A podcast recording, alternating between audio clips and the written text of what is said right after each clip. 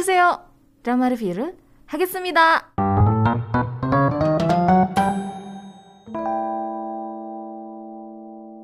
Saatnya untuk aku bahas serial. Tadi salah puterin ya. Aku malah puterinnya movie dong. Movie reviewer. Harusnya drama ya. Ini tuh drama judulnya Narco Science atau Suriname. Didirect dan juga ditulis oleh Yoon Jong Bin. Tapi kalau untuk penulisannya itu uh, writernya selain Yoon Jong Bin ada Kwon Sung Hui ya. Kita lihat dulu track record dari Yoon Jong Bin. Hmm, jadi ternyata Yoon Jong Bin ini sebelumnya pernah bermain sebagai aktor untuk uh, The Unforgiven, kemudian Nowhere to Turn, The Berlin File, sama A Quiet Dream. Kalau sebagai director, um, dia pernah terakhir itu di tahun 2018, The Spy Gone North. Ini seingat aku ada di Netflix ya. Terus kalau untuk screenwriter dia juga sama The Spy Gone North itu dia jadi uh, screenwriter juga. Uh, terus dia ada di Nameless Gang Gangster Rules of the Time dan dia dapetin uh, best screenplay di tahun 2012 di Blue Dragon Film Awards sama di Korean Association of Film Critics Awards untuk Nameless Gangster Rules of the Time ya. Uh, networknya di Netflix, jadi kalau misalnya kamu pengen nonton Narco Science atau Suriname ini ada di Netflix ya. Episode cuma 6 aja, jadi uh, awalnya serial ini tuh bakal dibikin film, tadinya durasinya kurang lebih 2 jam. Cuman sang sutradara itu Yoon Jong Bin ngerasa durasinya kayaknya kurang lama deh gitu. Uh, kalau misalnya dibikin jadi 2 jam kayaknya kurang gitu. Jadilah dibikin serial dengan total 6 episode. 6 episode pun tergolong uh, sebenarnya lebih sedikit ya dibandingkan dengan yang lain kan rata-rata 8 gitu atau 12. Nah, ini tuh 6 episode. Cuman memang per durasinya tuh per episode sekitar satu jam gitu. Rilis date di tanggal 9 September, langsung dirilis semuanya, jadi udah langsung beres. Oke, okay, untuk proses syuting serial ini sebagian besar itu dilakukan di Republika Dominika, Amerika Tengah. Cuman gara-gara masalah perizinan, terus kan selama proses syuting itu lagi pandemi COVID-19. Tim produksi akhirnya uh, melanjutkan syutingnya di Pulau Jeju, Jeonju, Bundang, sama Ansong. Tapi mereka memang harus benar-benar kerja keras untuk mengatur dan menyulap ya tempat itu menyerupai tempat syuting mereka di Republika Dominika. Karena ya masalah perizinan tadi gitu, akhirnya mereka melanjutkan syuting di tempat yang berbeda. Dan ini pasti PR banget sih. Nah, bisa dibilang ini tuh drama mafia game. Jadi semua karakter itu saling nipu, terus saling nebak juga ini siapa sih sebenarnya gitu. Drama ini terinspirasi dari kisah nyata nyeritain tentang seorang pengusaha dari kalangan sipil yang bernama Kang Inku. Uh, dia ingin memiliki kehidupan yang lebih baik dan pengen memberikan keluarganya, terutama anak-anak itu pendidikan yang terbaik. By the way, Kang Ingu itu diperanin oleh Ha Jung Woo. Nanti dibahas lebih lanjut ya. Uh, dia ngerasa kalau dia terus-menerus tinggal di zona nyamannya, kehidupannya itu nggak akan berkembang. Jadilah dia menerima tawaran temennya, teman baik dia, untuk pindah ke Surinam buat bisnis ikan pari. Jadi dia tuh uh, kayak punya pabrik gitulah untuk ngirim ikan pari Korea dari Surinam. Karena uh, perairan di Surinam tuh banyak banget ikan parinya. Jadi mereka mau bisnis itu. Nah awalnya bisnisnya sebenarnya lumayan uh, karena tergolong cukup jarang di Surinam itu. Cuman lama kelamaan ada yang pengen apa ya bahasanya malak kali ya jadi ada beberapa yang pengen ambil keuntungan dari kerja keras mereka gitu. Misalnya, yang pertama ada tentara angkatan darat yang minta jatah. Nah beruntung si Kang Ingo ini tuh sebelumnya kan udah jadi bisnismen juga. Jadi dia tuh pandai banget bernegosiasi. Nah dia bisa ngatasin hal ini gitu. Nah cuman pasien ini emang keliat iklan produk banget sih. Soalnya ini kayak agak pas nonton tuh kayak loh kok gini ya. Jadi negosiasinya tuh lancar, berhasil gara-gara kopi khas Korea yang dibilang tuh di uh, apa di scene tuh kopi yang manis sekaligus pahit katanya. Itu iklan produk banget karena diliatin produknya. uh, ya itu ya pertama ya si tentara angkatan darat. Sampai dia dibilang gitu, si tentara ini bakalan ngejagain Kang Ingu sama pabriknya Terus berikutnya dia dipalak sama geng terbesar yang menguasai satu daerah yang bisa dibilang kayak Chinatown di Suriname gitu ya. Geng ini tuh diketuain sama Chen Chen. Saking kuatnya geng ini, kemampuan negosiasi Kang In gue aja nggak bisa menyelamatkan dia. ini ketuanya tuh bener-bener uh, cuman melihat uang aja nggak peduli dengan apa pun. Terus uh, Kang Ingu kan waktu pergi ke Suriname tuh dinasehatin sama istrinya. Istrinya tuh selalu bilang tiap kali telepon tuh, kamu harus pergi ke gereja, kamu harus berdoa gitu. Nah pas uh, lagi kena masalah ini yang sama ketua geng di Chinatown, dia tuh ingat sama nasihat istrinya supaya pergi ke gereja. Jadilah pergilah dia ke gereja, yang mana komunitas itu orang-orang Korea di sana, dan ketemu sama Pastor John Yohan Nah, waktu ketemu sama Pastor John Yohan ini sebenarnya udah agak mencurigakan ya. Kenapa? Soalnya uh, si ketua geng dari Chinatown itu Chan Chan itu bisa dengan mudah nurut sama apa yang dibilang uh, John Yohan. Agak sedikit mencurigakan. Cuma pas nonton aku mikirnya ya mungkin karena pastor gitu jadi disegani kali ya. Dan Jong Yohan memang kelihatan kayak punya pengaruh yang cukup kuat terhadap komunitas lokal Korea sampai pemerintahan di Suriname. Dia juga punya orang-orang yang setia banget sama dia. Ada Byun Kite yang merupakan tangan kanan dari Jong Yohan. Dia itu mantan gangster dari Chinatown yang diceritain membelot gitu. Akhirnya mengikut ke uh, John Yohan. Terus ada uh, David Park yang merupakan seorang pengacara yang ngurusin tentang ya masalah hukum administrasi dan lain-lain lah. Oh ya by the way, Byun kita juga jadi seorang penerjemah ya. Karena kalau misalnya lagi ada urusan sama Chinatown, biasanya Byun kita yang turun tangan untuk menerjemahin gitu. Nah, ternyata pendengar Jong Yohan itu adalah seorang penipu yang melarikan diri ke Suriname untuk menghindari perjanjian ekstradisi dan menjadi raja narkoba di Suriname. Jadi dia tuh pakai kedok sebagai seorang pastor uh, terus punya gereja juga itu tuh kedok belaka sebenarnya dia tuh raja narkoba Choi Chang Ho, seorang agent dari NIS, minta bantuan sama Kang In Gu untuk menangkap Jong Yo Hwan karena timnya tuh udah berupaya selama tiga tahun tapi sampai saat itu tuh belum membuahkan hasil apa pun. Kang In Gu sama Choi Chang Ho akhirnya nyamar untuk jadi penjual narkoba. Ya. Nah ini nih ceritanya yang bikin deg-degan ya. Jadi kan misi rahasianya tuh biasa dilakukan sama para agent-agent yang terlatih dari badan negara. Tapi di serial ini uh, justru seorang pengusaha biasa yang kepepet yang harus bertahan hidup yang akhirnya ngejalanin tugas ini gitu untuk jadi agent rahasia.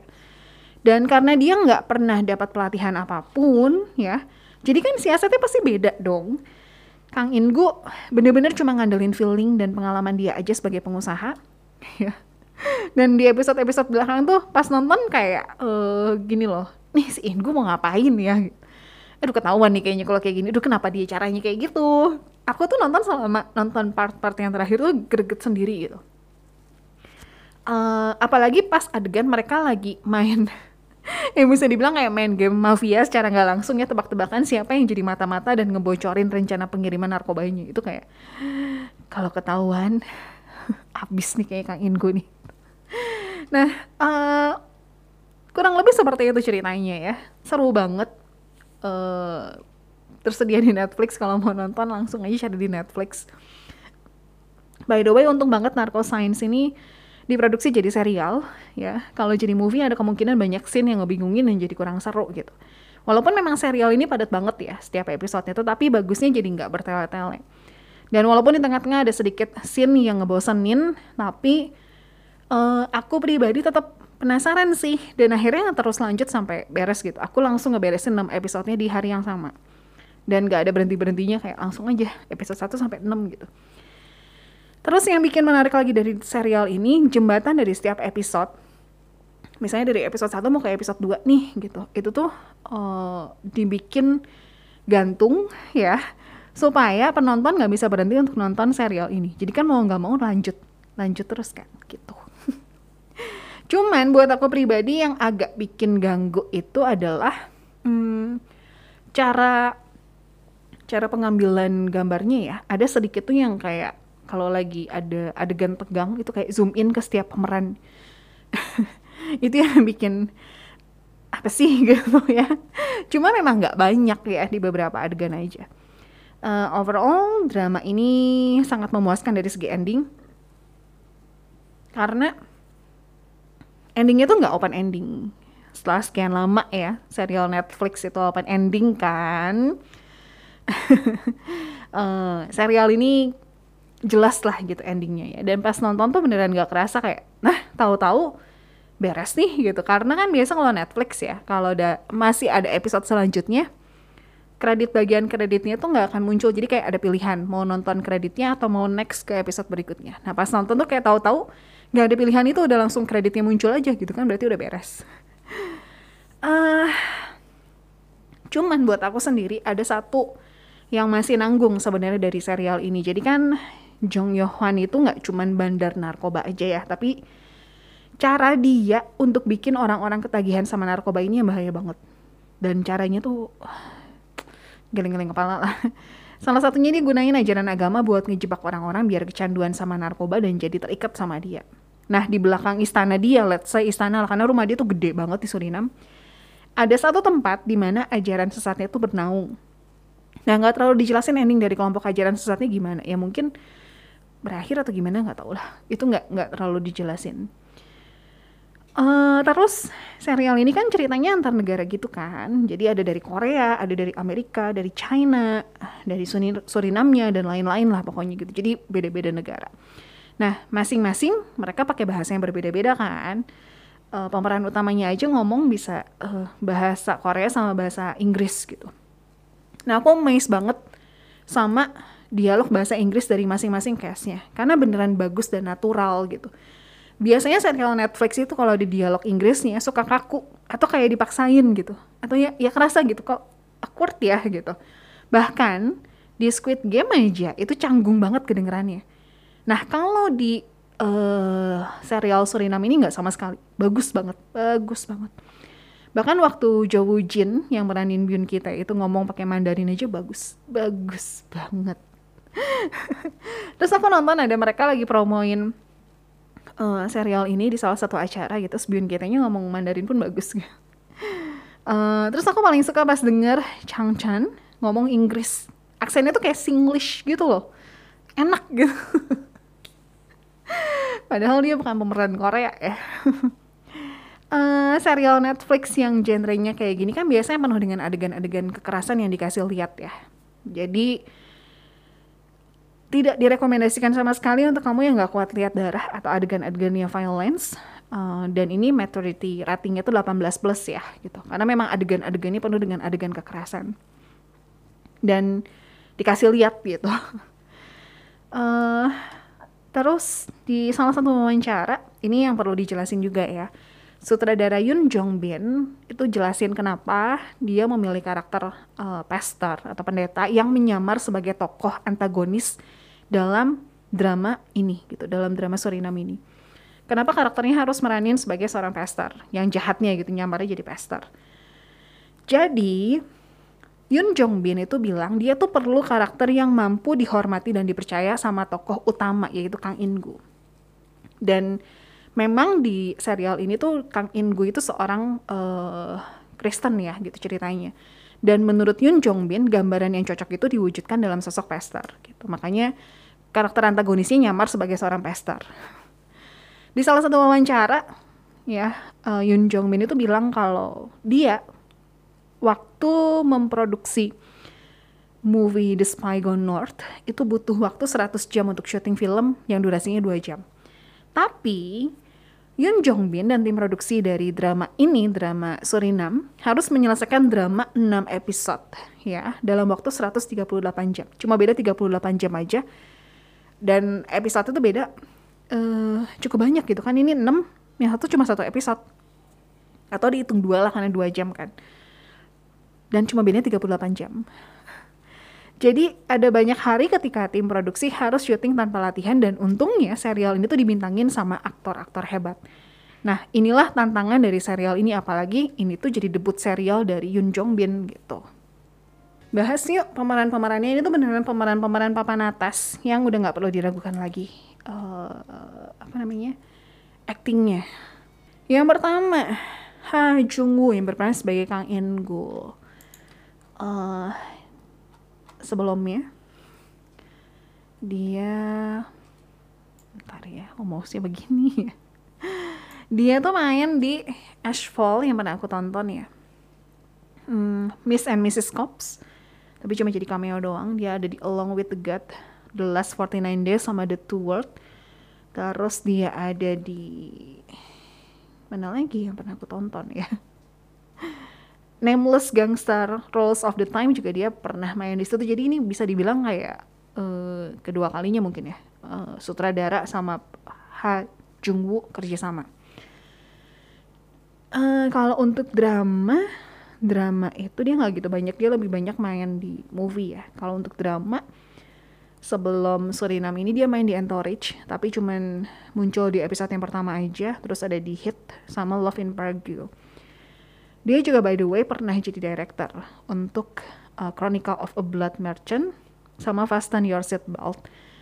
Terus pernah jadi produser juga untuk Take Point, pernah jadi penulis juga untuk tadi Chronicle of a Blood Merchant sama Fasten Your Seatbelt. Dia lebih banyak main di ini sih, di movie ya, movie-nya tuh banyak banget. Terus yang jadi karakter antagonis yang jadi John Yo Hwan yang nyamar jadi pastor itu diperankan oleh Hwang Jung Min uh, dia untuk movie sama. Ini banyaknya mainnya main movie. Movie yang di tahun 2022 ini ada satu ada dua ada dua project. Hunt sama Spring of Soul. Hunt itu yang di mainin sama Lee Jung Jae sama Jung Woo Sung. Yang belakangan juga lagi gencar banget untuk dipromoin ya. Terus uh, Hwan Jung Min main juga di Deliver Us From Evil. Uh, The Spy Gone North The Battleship Island um, dan lain-lain cukup banyak ya. Kalau untuk drama dia main drama itu di Hush tahun 2020 sampai 2021 kemudian di Korean Peninsula sama The Accidental Couple. Hmm. berikutnya ada Pak Hesu yang berperan sebagai Choi Chang Ho yang dari NIS Pak Hesu bisa dibilang ini langganan banget Netflix ya.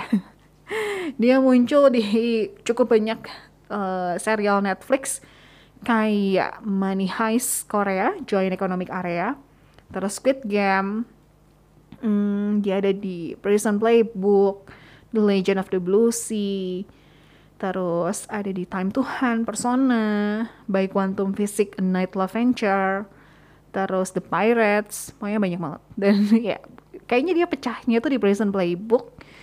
Terus Squid Game sih Squid Game ya. Kemudian ada Jo Woo Jin yang berperan sebagai Byun Ki Tae tadi yang jadi pembelot dari Chinatown. Dia sungguh bagus banget aktingnya. Uh, dia di tahun 2022 ini cukup banyak project sebenarnya. Ada Hard Hit eh Hard Hit 2021 Kingmaker udah pernah dibahas juga. Kemudian Alinoid ya sama Hunt tapi cuma jadi cameo. Uh, terus untuk drama dia ada di Happiness Mr. Sunshine Goblin ya oh my god. Squad 38 uh, Empress Key dan lain-lain cukup banyak. Dia di sini tuh uh, dandanannya luar biasa banget. Terus ada Yeon Sok yang berperan sebagai David Park yang tadi jadi pengacara itu. Hmm, di sini dia kayaknya ngurangin berat badan dia karena kelihatan lebih tirus mukanya terus lebih ganteng lebih lebih dandan lah gitu lebih lebih apa ya lebih mix and match style dia gitu ada kalau bisa diperhatiin atasan dia sama sepatu dia warnanya rata-rata hampir 90% pasti matching dia uh, main di Hospital Playlist sudah pasti Mr. Sunshine Dr. Romantic Reply 1994 Go Family Book uh, New Year Blues, kemudian The Beauty Inside, Perfect Proposal dan lain-lain. Ya, Yeon Sok. Di sini sebenarnya di awal aku ngerasa agak canggung dengan uh, scene di mana dia ngomong dalam bahasa Inggris, tapi ke belakang kayak udah oh iya gitu. Mungkin kan di awal nggak biasa aja kali ya, soal lebih sering lihat ya di hospital playlist kan. Terus by the way di sini juga ada Kim Min Kim Min Gui yang berperan sebagai Isang Jun, salah satu orang dari uh, John Yohan juga. Uh, terakhir kan dia main di Nevertheless. Terus sempat ada kasus kan. Akhirnya dia muncul lagi di uh, Suriname. Gitu. Terus oh ada Chang Chan yang berperan sebagai Chan Chan. Nah ini juara banget. Asli. Dia keren abis. Keren abis dia. Wah. Aku pas lihat dia tuh kayak wow. Sungguh dia keren banget. Keren keren sekali dia sebelum ini dia main di A Garden of Camellias kemudian The Assassin The Last Supper The Green Master The Sword Woman's World Radcliffe yang kedua sama yang pertama uh, dan lain-lain ya. Cukup banyak gitu. By the way ini salah satu wawancara ya. Uh, ini ada fakta yang cukup mengejutkan juga.